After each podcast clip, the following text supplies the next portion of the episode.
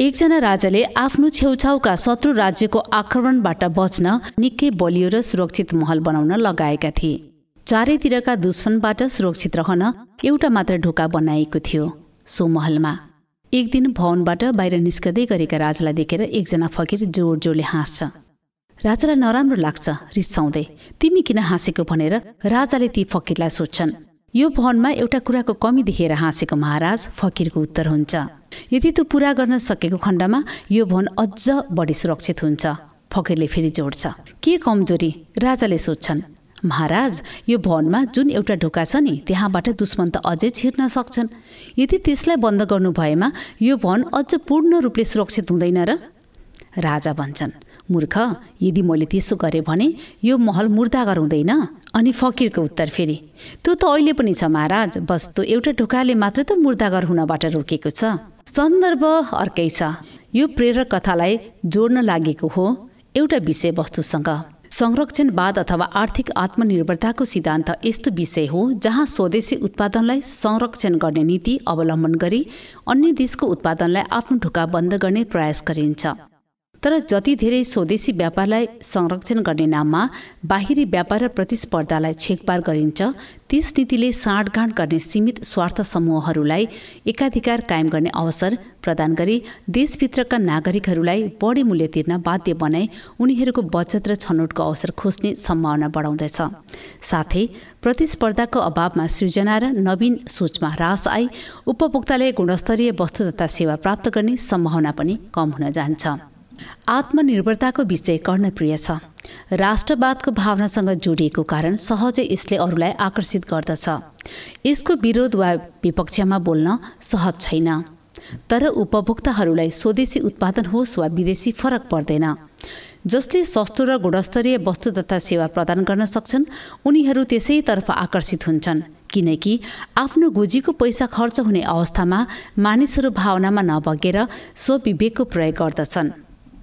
आत्मनिर्भरताको बहस नेपालमा मात्र नभएर संसारका प्राय सबै देशहरूमा लामो समय अघिदेखि चल्दै आएको विषय हो। निसन्देह पनि आफ्नो वस्तु तथा सेवाको उत्पादनमा आत्मनिर्भर हुने सोच राख्नु राम्रो कुरा हो।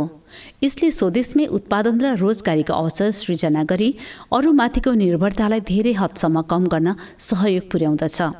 तर बाह्य प्रतिस्पर्धालाई निरुत्साहित गरी आफ्नै देशका नागरिकहरूको बचत र छनौटको अवसर खोज्नु उचित छ वा छैन भन्ने प्रश्न यथावतै रहन्छ। त्यसमा पनि अहिलेको विश्वव्यापीकरणको युगमा सबै कुरामा आत्मनिर्भर हुन कति सम्भव छ भन्ने प्रश्न पनि उत्तिकै महत्त्वपूर्ण छ। आज संसारका कुनै पनि देश पूर्ण रूपले आत्मनिर्भर छैनन्।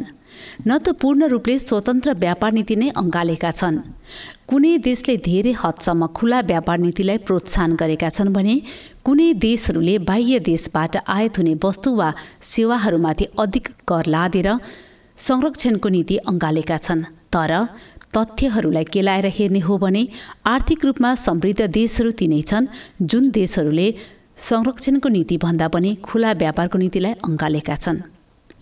भारत र चीन लगायत धेरै देशहरूले कुनै बेला पूर्ण रूपले आत्मनिर्भरताको नीति अङ्गाली विदेशी वस्तुहरूको आयातलाई निरुत्साहित गरेका थिए। तर जब यो नीतिले उनीहरूको आर्थिक प्रगतिको बाटोलाई असम्भव तुलाइदियो र गरिबी बाहेक केही फलिफाप सिद्ध भएन तब ती देशहरूले बाहिरी विश्वसँग आफ्नो व्यापारको ढोका नखोली धरै पाएनन्। जुन देशले आफ्नो व्यापारलाई खुल्ला गरे उनीहरूले आर्थिक प्रगतिको बाटो पनि पहिलाए जसले गरेनन् आज पनि ती तेइस र तिनका जनता आर्थिक गरिबीको चपेटामा बाँच्न बाध्य छन्। आजको दिनमा आत्मनिर्भरता भन्दा पनि अन्तर्निर्भरताको बहस गर्दा उपयुक्त हुने देखिन्छ किनकि हामी आत्मनिर्भर भन्दा पनि यी कर्कासँग अन्तर्निर्भर हुन्छौँ। आफै सबै कुरा उत्पादन गर्न सकिँदैन र सम्भव पनि छैन। जुन पाउरोटी बजारमा सहजै पच्चिस रुपियाँमा किनेर खान सकिन्छ त्यो पाउरोटी बनाउन हामीले धेरै समय ऊर्जा र स्रोत खर्च गरिरहन आवश्यक छैन भन्ने कुरा बुझ्न धेरै तीक्ष्ण बुद्धिका आवश्यकता पर्दैन। पाउरोटी सबैले आ आफ्नै घरमै बनाउन नसकिने वस्तु होइन। तर त्यो पाउरोटी बनाउन लाग्ने समय ऊर्जा र स्रोतलाई हामीले हाम्रो दक्षता भएको क्षेत्रमा लगानी गर्ने हो भने अझ धेरै आय आर्जन तथा उपयोगिता सृजना गरी आफूलाई चाहिएको वस्तु सहजै सस्तो दाममा अरूबाट खरिद गर्न र समय र पैसाको बचत गर्न सकिन्छ। पाउरोटी बनाउने मानिसले लामो समय लगाएर आफ्नो काममा दक्षता हासिल गरेको हुन्छ।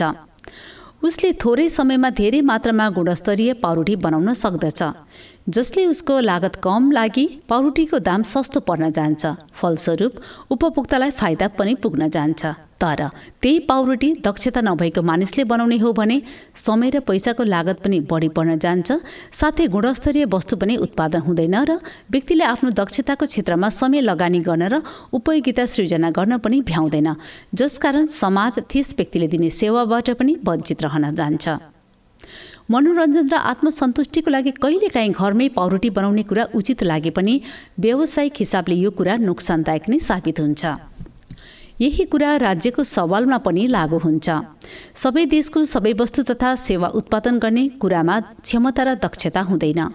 हरेक देशको आफ्नै सबल र कमजोर पक्ष हुन्छ जसको पहिचान हुन आवश्यक छ। आफ्नो सबल पक्षमा काम गरेको खण्डमा हामी धेरैभन्दा धेरै उत्पादनशील हुन सक्छौँ। अन्यथा त्यसको प्रतिफल नकारात्मक नै हुन्छ भन्ने कुरा हामीले चर्चा गरिसक्यौँ। यस कुरालाई मध्यनजर गरी कुन क्षेत्रमा समय र स्रोत लगानी गरी के उत्पादन गर्ने कसरी अरूलाई धेरैभन्दा धेरै उपयोगिता सृजना गरी आफ्नो वस्तु तथा उत्पादनमा निर्भर बनाई आय आर्जन गर्ने भन्नेतर्फ ध्यान पुर्याउन जरुरी छ। जुन वस्तु तथा सेवा उत्पादन गर्न आफूलाई बढी लागत लाग्दछ त्यो वस्तु तथा सेवा अरूबाट सस्तोमा खरिद गरी आर्थिक लाभ लिन सक्नुमा बुद्धिमानी र सबैको हित छ। स्वनिर्भरताको नारा जति नै राम्रो सुनिए पनि यदि अरू कसैले हाम्रो उत्पादनभन्दा सस्तोमा गुणस्तरीय उत्पादन दिन तयार छ भने स्वाभाविक रूपले हामी त्यसैतर्फ आकर्षित हुन्छौँ चाहे त्यो वस्तु स्वदेशी होस् वा विदेशी। यदि नेपालको सबल पक्ष जलविद्युत प्राकृतिक धार्मिक र सांस्कृतिक पर्यटन कृषि जडीबुटी युवा जनशक्ति आदि हो भने हामीले यस अनुरूप आफ्नो स्रोत साधन लगानी गरी अरूलाई आफ्नो वस्तु तथा सेवाप्रति आकर्षित र निर्भर बनाउन सक्दछौँ।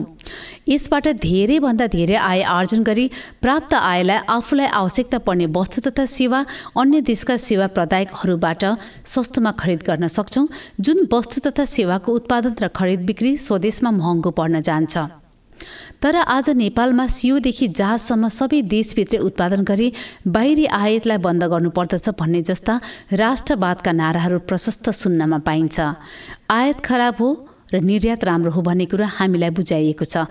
तर यदि हामी अरू देशका वस्तुको आयातलाई रोक्दछौँ भने हाम्रो देशको उत्पादनको निर्यातलाई पनि अरू देशले स्थान देलान् त? पक्कै पनि उनीहरूले हाम्रो वस्तु तथा सेवालाई पनि रोक्नेछन् जसले अन्तत दुवै देशका नागरिकहरूलाई छनौटको अवसरबाट वञ्चित गर्नेछ। बढी मूल्य तिर्न बाध्य बनाउनेछ र आम मानिसहरूको बचत खोज्नेछ। राम्रो र सजिलो जति आफूलाई बाँकी कुरा अरूलाई भन्ने कुरालाई कसैले स्वीकार गर्दैन। राष्ट्रवादको लहर नेपालमा मात्र नभएर संसारभर चलेको बहस हो। नेपालको परिप्रेक्ष्यमा हाम्रो आन्तरिक मामिलामा भारतीय हस्तक्षेपको प्रतिवाद स्वरूप वैदेशिक वस्तुको खपतलाई निरुत्साहित गर्ने र आत्मनिर्भरताको नीतिलाई अँगाल्ने विषयले प्रधानता पाएको अवस्था छ। नेपालको सबैभन्दा ठूलो समस्या आर्थिक गरिबी हो।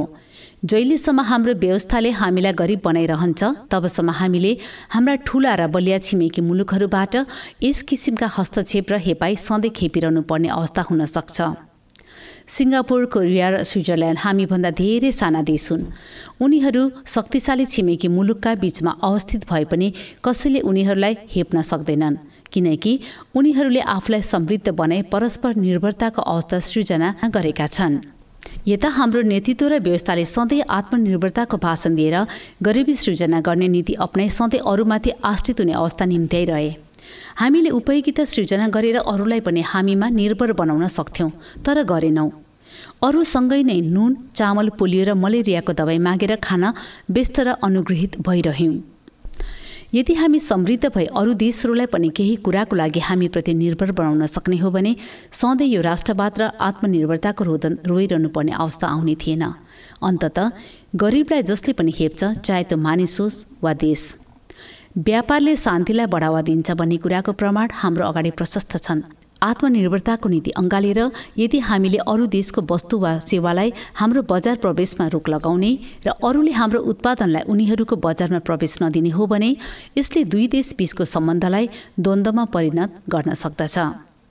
फ्रेन्च अर्थशास्त्री फेड्रिक बास्टेड भन्छन् जब वस्तु सेवा तथा उत्पादकहरूले दुई देशको सीमा पार गर्दैनन् तब सेनाले सीमा पार गर्नेछन्।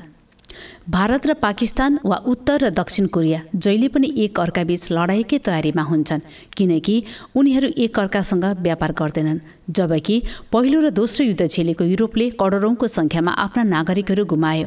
सयौँ वर्षसम्म जमिनको टुक्रा र सीमाको आकार फराकिलो बनाउन लडाइँ मात्रै गरिरहे पनि आज उनीहरू एक अर्कासँग लडाइँ गर्न आतुर छैनन् किनकि युरोपले युद्ध निम्त्याउन सक्ने विध्वंस र व्यर्थ र व्यापार बढाउन सक्ने शान्तिको महत्त्वलाई बुझेर आज एक अर्कासँग व्यापार गर्दछन्।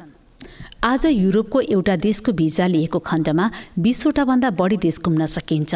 कुन देशको सीमा कहाँबाट सुरु भएर कहाँ सकियो थाहा पाउन मुस्किल छ। यहाँसम्म कि उनीहरूले पैसा समेत साझा चलाएका छन्। आज युरोपको एउटा देशको भिजा लिएको खण्डमा बिसवटा भन्दा बढी देश घुम्न सकिन्छ। कुन देशको सीमा कहाँबाट सुरु भयो र कहाँ सकियो थाहा पाउन मुस्किल छ। यहाँसम्म कि उनीहरूले पैसा समेत साझा चलाएका छन्। यदि मेरो व्यापार वा लगानी भारतको कुनै सहरमा छ भने म त्यहाँ पाकिस्तान वा चिनले बम गिराओस् भन्ने कल्पना कहिले पनि गर्दिनँ। किनकि परस्पर व्यापार र अन्तर सम्बन्धले शान्तिलाई बढावा दिन्छ यो नै दीर्घकालीन शान्तिको उपाय हो। त्यसैले हामीले काँडेता र दिवाल लगाएर बाहिरको आयात बन्द गरी आत्मनिर्भर बन्ने किसिमको बहस गर्नुभन्दा पनि व्यापार व्यवसायमा रहेका नीतिगत कठिनाइहरूलाई हटाई स्वदेशमै सहज र स्वतन्त्र रूपले पेसा व्यवसाय तथा उद्यम गरी खाने व्यावसायिक वातावरण बनाउनेतर्फ पहल गर्दा उचित हुने देखिन्छ। साथै आफ्नो देशको सबल क्षेत्रमा वस्तु तथा सेवाहरूको उत्पादन गरेर स्वदेशमै धेरैभन्दा धेरै रोजगारी र आय आर्जन गर्न सक्ने अवस्था सृजना गरी बाहिर विश्वलाई पनि हामीसित अन्तर्निर्भर हुने स्थिति सृजना गर्न आवश्यक छ। यस विषयमाथि लेख्नु भएको छ वसन्त अधिकारी विकल्प एन्ड अल्टरनेटिभका वसन्त अधिकारीले।